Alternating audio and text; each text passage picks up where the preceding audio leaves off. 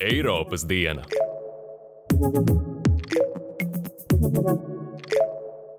Sveicināti Eiropas dienā! Es esmu Andris Kārkloks, un šodien līdzās aktuālitātēm Eiropas Savienībā pievērsīsim pastiprinātu uzmanību diviem tematiem - Eiropas parlamenta Eiropas pilsoņu balvai un Slovenijas prezidentūras Eiropas Savienības padomē termiņu prioritātēm, kuras raisījušas bāžas pretrunīgi vērtētā premjera dēļ.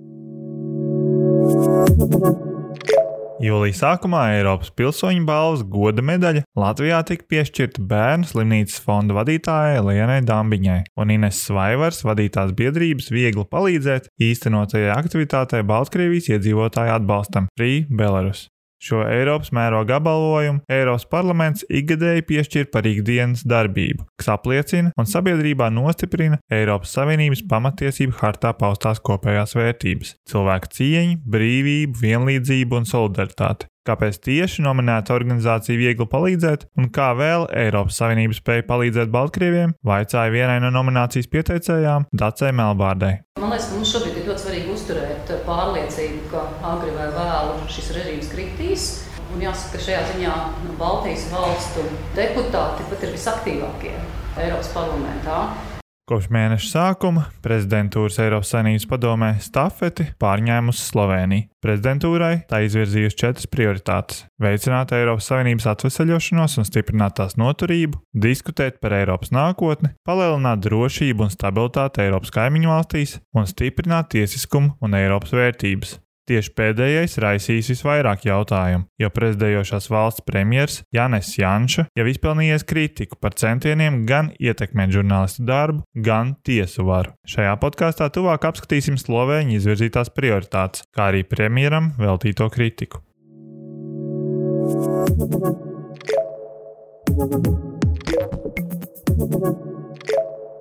Thank you. Pirms iedzināšanās šajās tēmās uzmetīsim acis šī brīža Eiropas aktualitātēm. Vairākas no tām ir cieši saistītas ar ilgstošiem procesiem. Ļoti iespējams, piekdienu plānotajā Tokijas Olimpisko spēļu atklāšanas ceremonijā mēs ieraudzīsim Eiropas Savienības karogu. Lūgumu ļaut svinīgajai atklāšanas parādē iznākt ne tikai ar savu nacionālo, bet arī Eiropas Savienības karogu tikai nepilnu nedēļu pirms spēļu atklāšanas izteicis Eiropas Savienības padomas prezidējošās valsts Slovenijas premjerministrs Janešs Jansa. Viņa vēstulē ar parakstu atbalstīs arī Grieķu eirokomisārs Margaritis Šinas, kura viens no uzdevumiem ir Eiropeiskā dzīvesveida sludināšana. Viņš vēstulē Startautiskās olimpiskās komitejas prezidentam Tomasam Baham atzīmējis, ka Eiropas Savienības karoks būtu mierīgas līdzās pastāvēšanas, tolerances un solidaritātes simbols. Euronews vēsta, ka šo vēstuli publiski atbalstīs arī Francijas Eiropas lietu ministrs Klemens Beons, piebilstot, ka tas būtu skaists simbols, papildinot arī Francijas karogu. Kamēr Eiropas Savienības vienotie Covid-19 vakcinācijas certifikāti darbojas visās bloka valstīs, kur un kad vien tie tiek prasīti, apvienotajā karalistē tie joprojām netiek atzīti. Līdz šim arī nav izskanējis konkrēta atbilde no atbildīgajām brītu amatpersonām. Kādēļ gan tā, ņemot vērā, ka abu pušu veselības nozara darbinieki ir atļāvuši izmantošanai vienas un tās pašas vakcīnas? Rezultātā kopš pirmdienas, kad Anglijā ir atcelti visi ierobežojumi attiecībā uz Eiropas Savienības pilsoņiem un pat citur dzīvojošiem Lielbritānijas pilsoņiem, spēkā joprojām ir prasība ievērot desmit dienas ilgu karantīnu, ziņoja Euractiv. Desmit dienu ilgās karantīnas nepieciešamība atcelt vienīgi tiem, kuri ir pilnībā vakcinēti atbilstoši Lielbritānijas vakcinācijas programmai. Eiropas komisijas pārstāvi gan mēdījiem devuši ziņu, ka sarunas par tehniskām detaļām šajā jautājumā turpinoties un ir cerības drīzu atrisinājumu.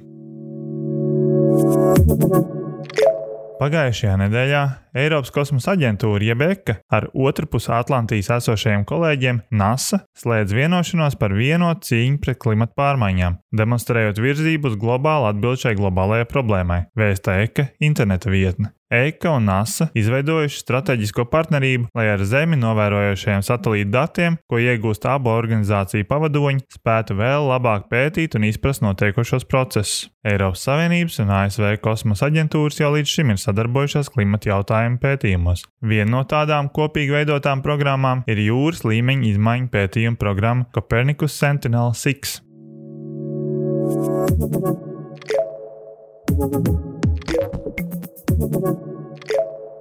Thank you. Viena no šī gada Eiropas pilsoņu balvas goda medaļas saņēmējām Latvijā - Inese Vaivara, kura atzinību iegūst tieši aktivitātes Free Belarus dēļ, Eiropas parlamenta pārstāvjiem jau paudus, ka saņemtais apbalvojums ir novērtējums neskaitām cilvēku aktivitātei. Jauniešiem un NVO, kas organizēja Baltkrievijai veltīto Baltijas ceļu un uztur Twitter kontu Free Belarus LV, simtiem ziedotāju, kas ļāva ātri reaģēt un atbalstīt pilsonisko sabiedrību Baltkrievijā, un domu biedriem, kas sniedz atbalstu bēgošajiem un piekautajiem, kā arī Latvijas valsts iestādēm. Organizācija Viegli palīdzēt nominēja Eiropas parlamenta deputātes Sandra Kalniete un Dāca Melbārde. Lūdzu par balvu un tās nestajām vērtībām vairāk pastāstīt pašai Melbārdei. Kā jūs paskaidrot, kāda ir Eiropas pilsoņu balvas nozīme?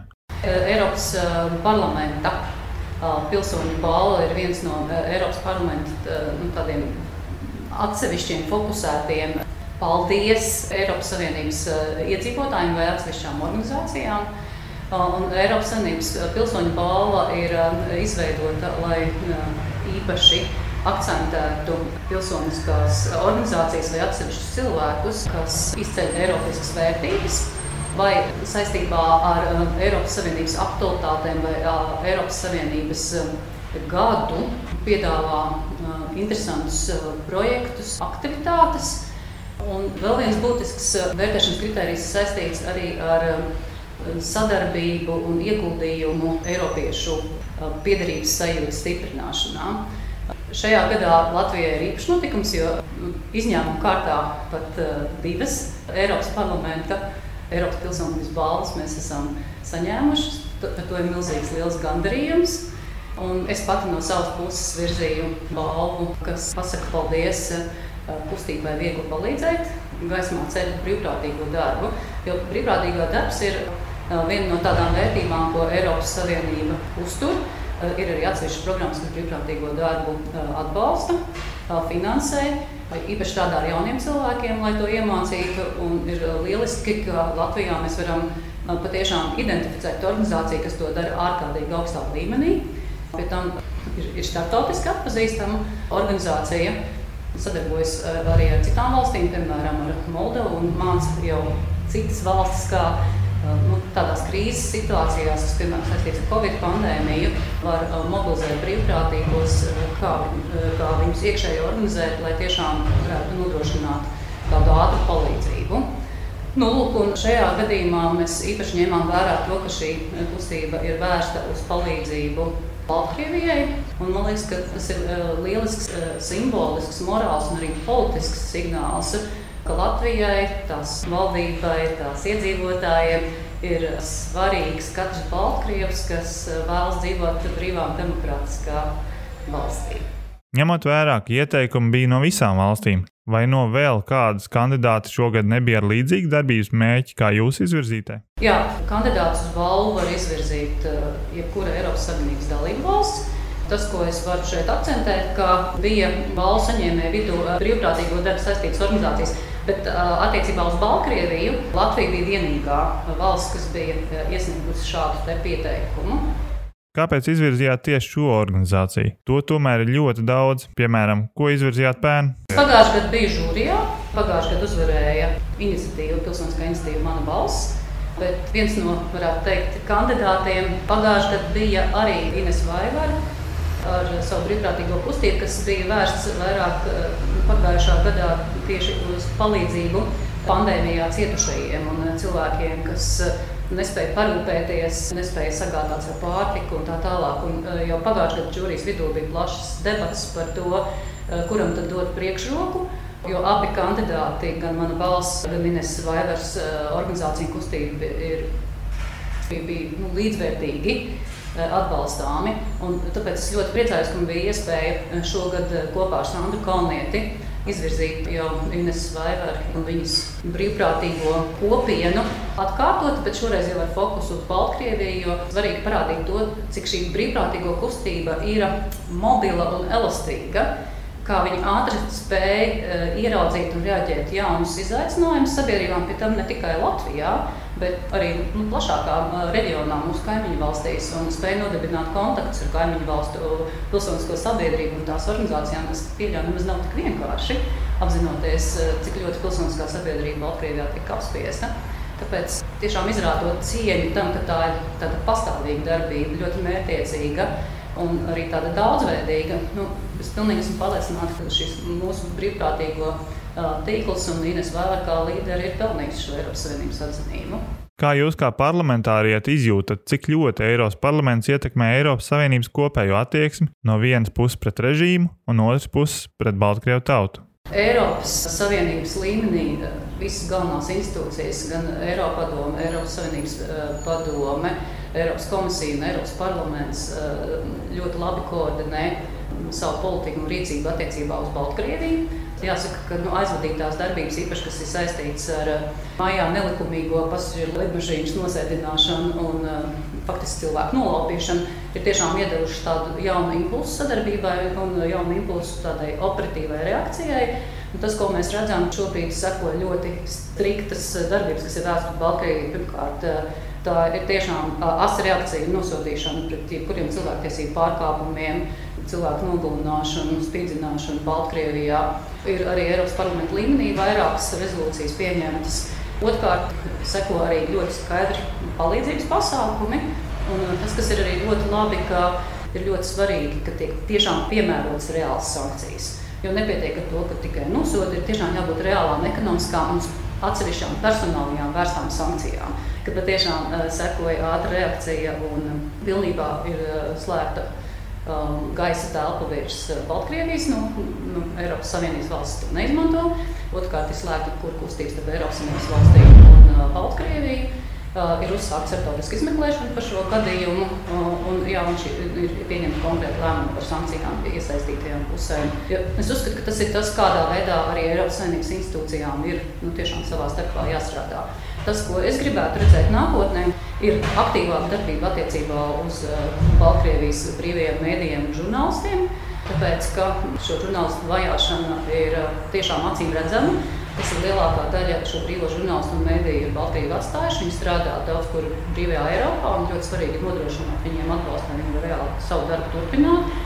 Jā, jāmeklē dažādi veidi, kā atbalstīt vēl palikušos uh, brīvos žurnālistus un mēdījus pašā Baltkrievijā. Nominācijām piešķirtā balva akcentē šo aktivitāti Latvijā. Kādi instrumenti tam pastāv Eiropas Savienības līmenī? Ir dažādi finanšu instrumenti, kas palīdz tieši ar austrumu partnerību. Bet, nu, manuprāt, ieguldījumiem ir jābūt daudz lielākiem un, un tiešām tas atbalsts ir jāpaplašina. Viņam ir jābūt fokusētam, tāpēc arī minēju šo mediju darbu kā vienu no konkrētiem piemēriem, ka, manuprāt, ir pat jābūt atsevišķai fokusētai programmai tieši, kas ir vērsta uz Baltkrievijas mediju atbalstu. Nu, nu nevis tikai caur austrumu partnerības -hmm. programmu. Ir jābūt pat vēl proaktīvākiem un, un vēl fokusētāk jāstrādā uz Baltkrieviju. Eiropas Savienības valsts un Eiropas Savienības institūcijas oficiāli atzīst Baltkrievijas demokrātiskās kustības pārstāvniecību. Tas ir Atlants Ikanovsku un viņas koordinācijas padomi. Aicina uz visām augstākā līmeņa sarunām un savā ziņā legālās demokrātiskās varas nesēdi Baltkrievijā. Man liekas, ka šis arī ir ārkārtīgi nozīmīgi attiecībā uz pakāpenisku Baltkrievijas autoritārā režīma graušanu. Jo, man liekas, ka mums šobrīd ir ļoti svarīgi uzturēt pārliecību, ka agri vai vēlu šis režīms kritīs. Un jāsaka, ka šajā ziņā nu, Baltijas valstu deputāti pat ir visaktīvākie Eiropas parlamentā.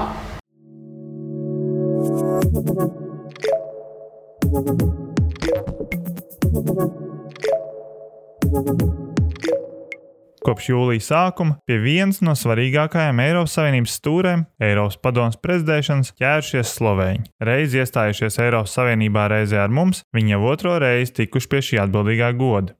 Kopš pirmās prezidentūras 2008. gadā viena no šobrīd Ljubljanas izvirzītajām prezidentūras prioritātēm saglabājusies tā pati - veicināt drošību un stabilitāti bloku kaimiņos, ar īpašu uzsveru uz tai vēsturiski tuvo Rietumbalkānu valsts spēcīgāku integrāciju. Prezidentūras vadmotīvs kopā noturīga Eiropa, līdzās kaimiņu valsts un līdz ar to ārējās robežas stiprināšanai par būtisku punktu izvirzīt arī kopīgu nākotnes mēķu nospraušanu. To kaldināšana turpināsies līdz ar jau maija sākumā atklāto konferenci par Eiropas nākotni. Vismaz līdz nākamā gada pavasarim digitālā un reālā vidē notiekošās diskusijas par kopēju Eiropas nākotni, par kurām esam diskutējuši arī Eiropas dienas epizodēs, ir platforma, kurā ik viens aicināts izteikt savas cerības, tādējādi veidojot mums pašiem patīkamāku nākotni. Slovenijas prezidentūras plāna veidotāji uzsver, ka Covid-19 pandēmijas radītā ārkārtas situācija praksē pierādījusi Eiropas Savienības spēka nozīmi tik grūtā situācijā. Tādēļ Slovenija, kā viena no galvenajām prioritātēm prezidentūras laikā, ir uzsvērusi Eiropas Savienības izturēt spējas stiprināšanu.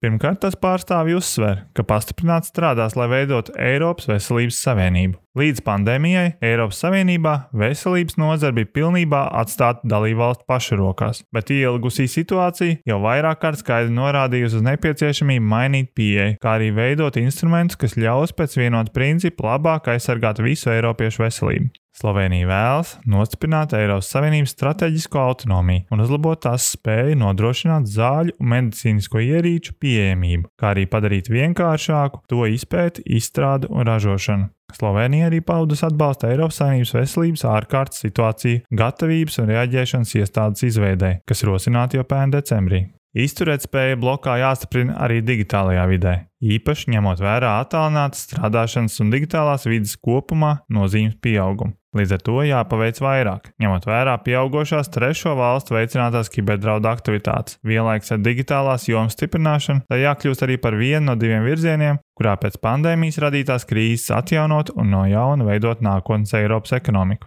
Otrs ir zaļāka pieeja. Slovenija šos mērķus, celt Eiropu digitālu un zaļāku, turpmākajos sešos mēnešos centīsies pārvērst bloka dalībvalstīm saistošos Eiropas Savienības tiesību aktos ja izturētspējas un kaimiņu reģionu stiprināšana, kā arī diskusijas par Eiropas nākotni jautājums neprasa, tad 4. Slovenijas prezidentūras izvirzītā prioritāte jau vismaz kopš šī gada sākuma raisījusi plašas diskusijas. Tā ir Eiropas dzīvesveids, tiesiskums un Eiropas vērtības. Tieši vienlīdzība un taisnīgums, kas kā pamatvērtības ir ierakstīts Eiropas pamatlikumos un kuras par savām apņēmušās arī turpmāk pieņemt tik viena Eiropas Savienībā esošā valsts, aizvien biežāk tiek mēģināts interpretēt atšķirīgi no sākotnēji pieņemtā. Polija un Ungārija šajā ziņā ieņēma visatšķirīgāko viedokli no tā, gan izaicinot tiesiskumu principu attiecībā uz tiesu, uzņēmējdarbības un politiskās vidas savstarpējām attiecībām, gan ierobežojot preses un individu brīvības viņa atšķirīguma dēļ. Zīmīgi, ka arī konservatīvais Slovenijas premjerministrs Jānis Janša vairākos jautājumos lietas sekot Eiropas komisijas un citu Eiropas Savienības dalību valstu bieži peltajiem poļu un ungāru kolēģiem. Politiskās retorikas ziņā Janša burtiski vistuvāk sekojot tieši bijušajam ASV prezidentam Donaldam Trumpam, kur vēl pērn, nesagaidot ASV vēlēšanu oficiālos rezultātus, viņš metās apsveikt Twitterī ar uzvaru. Savukārt šī gada februārī pēc verbāla uzbrukuma Twitter vairākiem žurnālistiem un pat Slovenijas ziņa aģentūrai kopumā viņš saņēma kritiku no Eiropas komisijas par žurnālistu ietekmēšanu. Turklāt papildus Jānis izteikumiem viņa tēls smagi ietekmējis Covid-19 salīdzinoši augstais mirstības rādītājs nelielajā valstī un pandēmijas radītā ekonomiskā krīze. Šis apstākļu kopums tikai dažus mēnešus pirms prezidentūras pārņemšanas no Portugāles premjeram lika iziet uzticības pārbaudi, kuru viņš gan izturēja. Arī Slovenijai uzsākot prezidentūru, Jānis Bāriens saņēma no vairākiem eiroparlamentāriešiem par centieniem ietekmēt gan žurnālistu, gan tiesu varas neatkarību. Pēdējais izpaudies kā viņa valdības atteikšanās apstiprināt konkursu kārtībā izraudzītos Eiropas prokuratūras prokurors, kurus viņš atklāti nosauca par saviem politiskajiem ienaidniekiem. Šī iemesla dēļ Eiropas komisijas izpildu viceprezidents Frans Timermans atteicās pat fotografēties vienā grupas foto ar Slovenijas premjeru. Ja jūs kādu vērtējat pēc iedomātām Eiropas vērtībām, kuras katrs uztver citādāk un izmantojot divējādus standartus, tas ir ātrākais ceļš uz sabrukumu. Jo Observer citēja Janšu. Līdz ar to par atvērtu jautājumu kļūst, kā viņa valdības vadītā prezidentūra stiprinās tiesiskumu kā vienu no Eiropas vērtībām, kā to apņēmusies darīt. Slovenija šo sešu mēnešu ietveros cita starpā apņēmusies arī vadīt dialogu Eiropas Savienībā par tiesiskumu stāvokli blokā, kā arī demonstrēt, kā tiesiskumu var pastiprināt, ņemot vērā nacionālās konstitucionālās sistēmas un tradīcijas.